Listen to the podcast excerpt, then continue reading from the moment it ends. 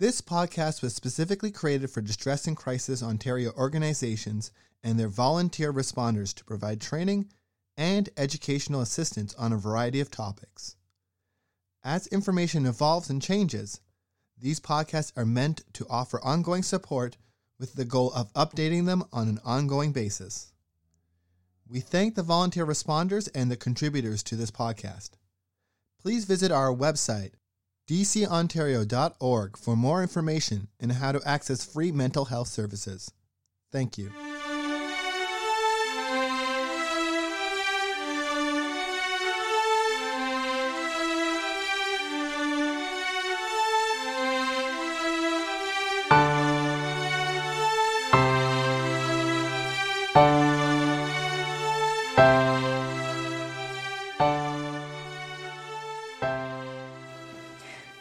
My name is Caitlin Plant, and I am the Program Manager at Distress and Crisis Ontario.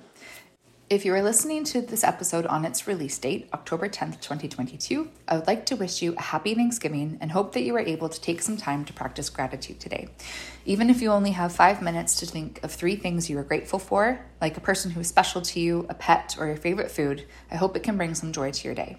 Today is also World Mental Health Day, marked every year on October 10th to raise awareness about mental health around the world and to mobilize efforts to support those experiencing mental health issues.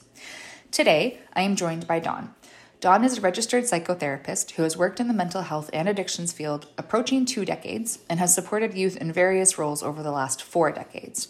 Currently, he supports youth and their families who are managing issues around substance misuse. He also supports coworkers and employees working in the field. He is joining me today to talk about stigma and discrimination when it comes to mental health and substance misuse, how we can use language to combat stigma and discrimination, and to explore the theme of World Mental Health Day this year, which is to make mental health and well being for all a global priority. So, thank you for joining me today. Could you please begin by telling us a little bit more about yourself and the experience you have working in the mental health and addictions field? Well, hello. As uh, Caitlin said, my name is Don. Thank you for inviting me and and uh, having me on today.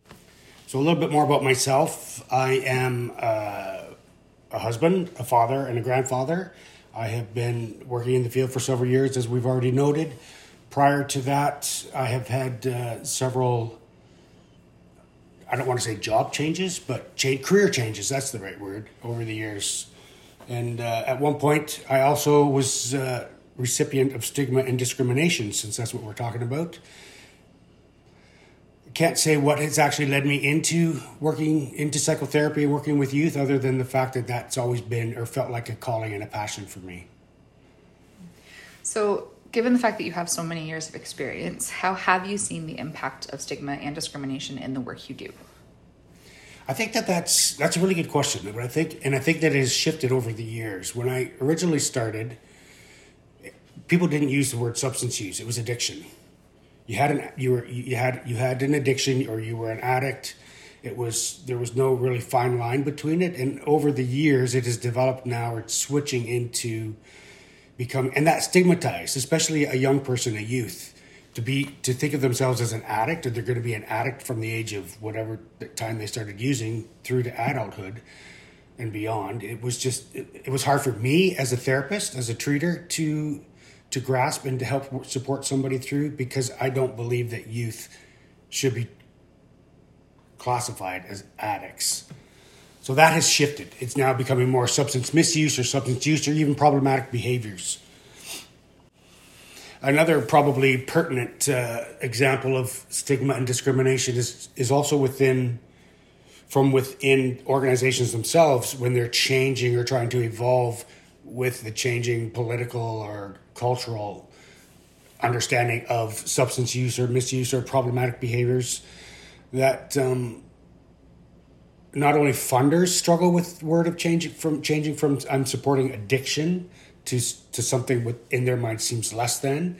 So we've had this. I've had the struggle of of supporting coworkers understand that addiction is pro is too it's too it's too stigmatizing. It's too discriminatory to of a word to use for somebody when we can't even say that they're an addict. Mm-hmm. So we've we've softened our language in, in, in all of our forms and uh, information that we have too.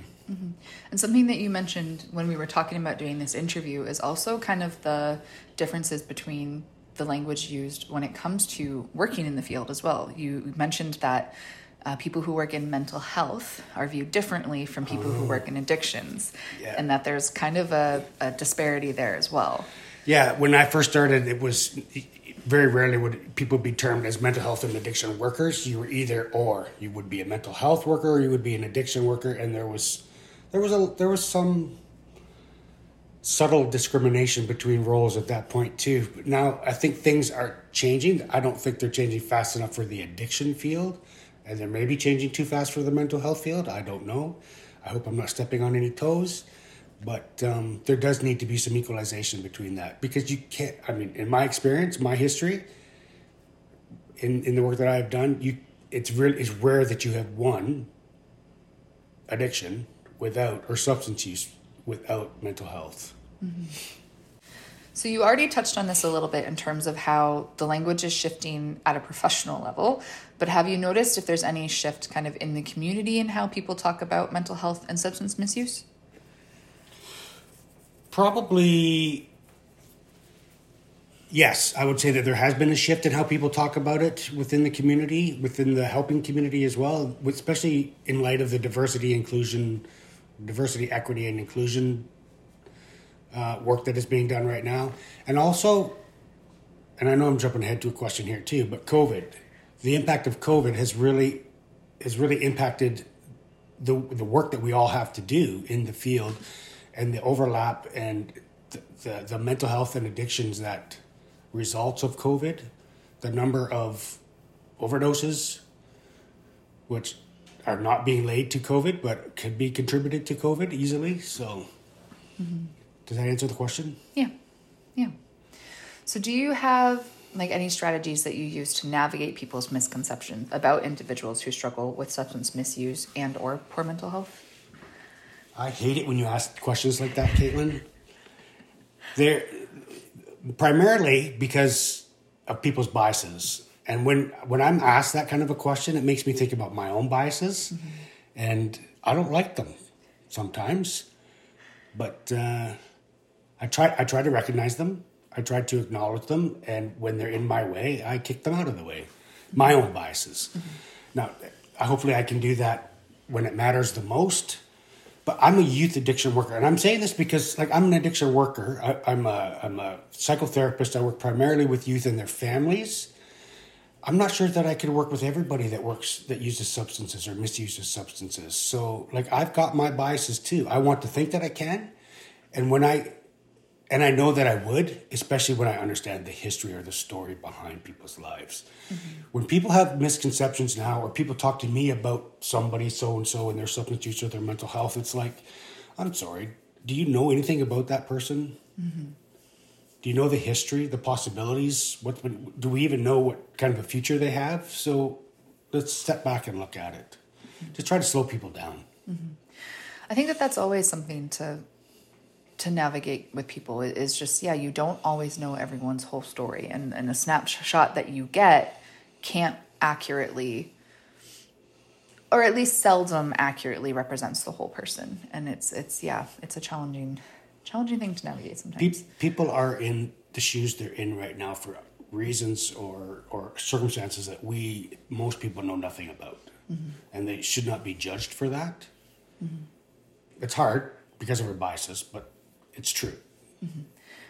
I think something that uh, Sabrina, who I've had on the podcast before, is, is said that we're all just kind of trying to walk each other home, and that we need to just kind of, yeah, acknowledge that we're all facing our own struggles, and we may not have the whole story, but that doesn't mean we can't be empathetic and understanding. Yeah. Yeah. So you kind of touched, like you said, on the impact of COVID nineteen, but have how have you noticed that? How have you been seeing that in terms of the way that people do talk about mental health? I think one of the positives is that people are talking about mental health now because of the pandemic, because it's become so common that people, we've been locked up. People are people are are are scared. People are lonely, and people are talking more about their mental health right now than than ever before. I feel. Mm-hmm. I think it really made people slow down and face things that they maybe were setting aside, that they were kind of avoiding having to struggle, like not struggle with, but avoiding having to face. And when we were all forced into a standstill, things maybe caught up with people a little bit more than they did.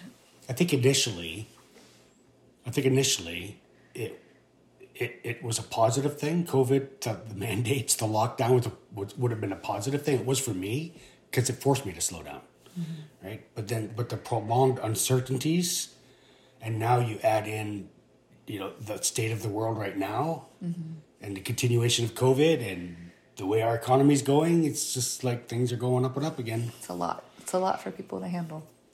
So I think that that segues really nicely into the theme for World Mental Health Day this year, which is making mental health and well being for all a global priority because these are global issues. Everyone is facing these.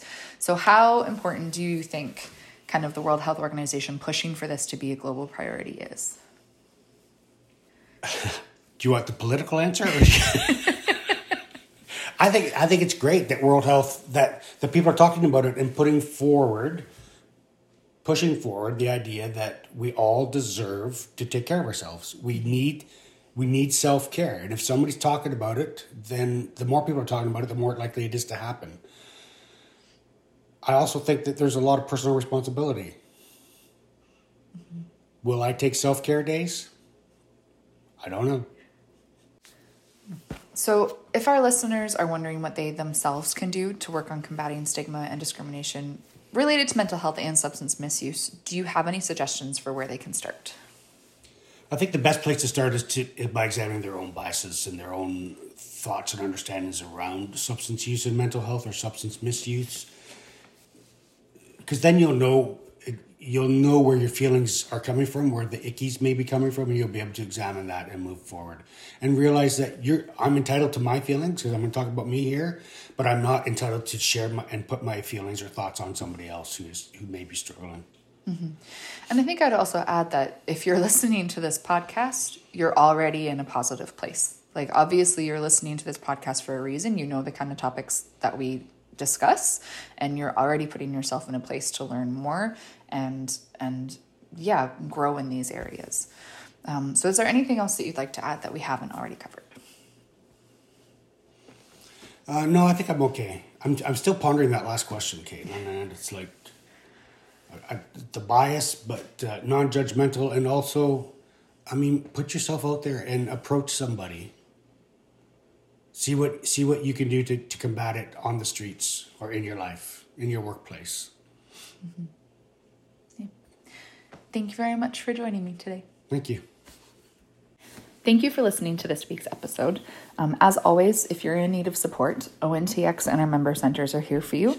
Uh, ONTX is available from 2 p.m. to 2 a.m. Eastern Standard Time daily and can be accessed from any page of our website or by texting support to 258 258. You can find your nearest member center at, on our website at www.dcontario.org forward slash locations. If you'd like to provide any feedback on this episode or request future content, you can do so at the link in the show notes. Thank you again for listening. Happy Thanksgiving and happy World Mental Health Day.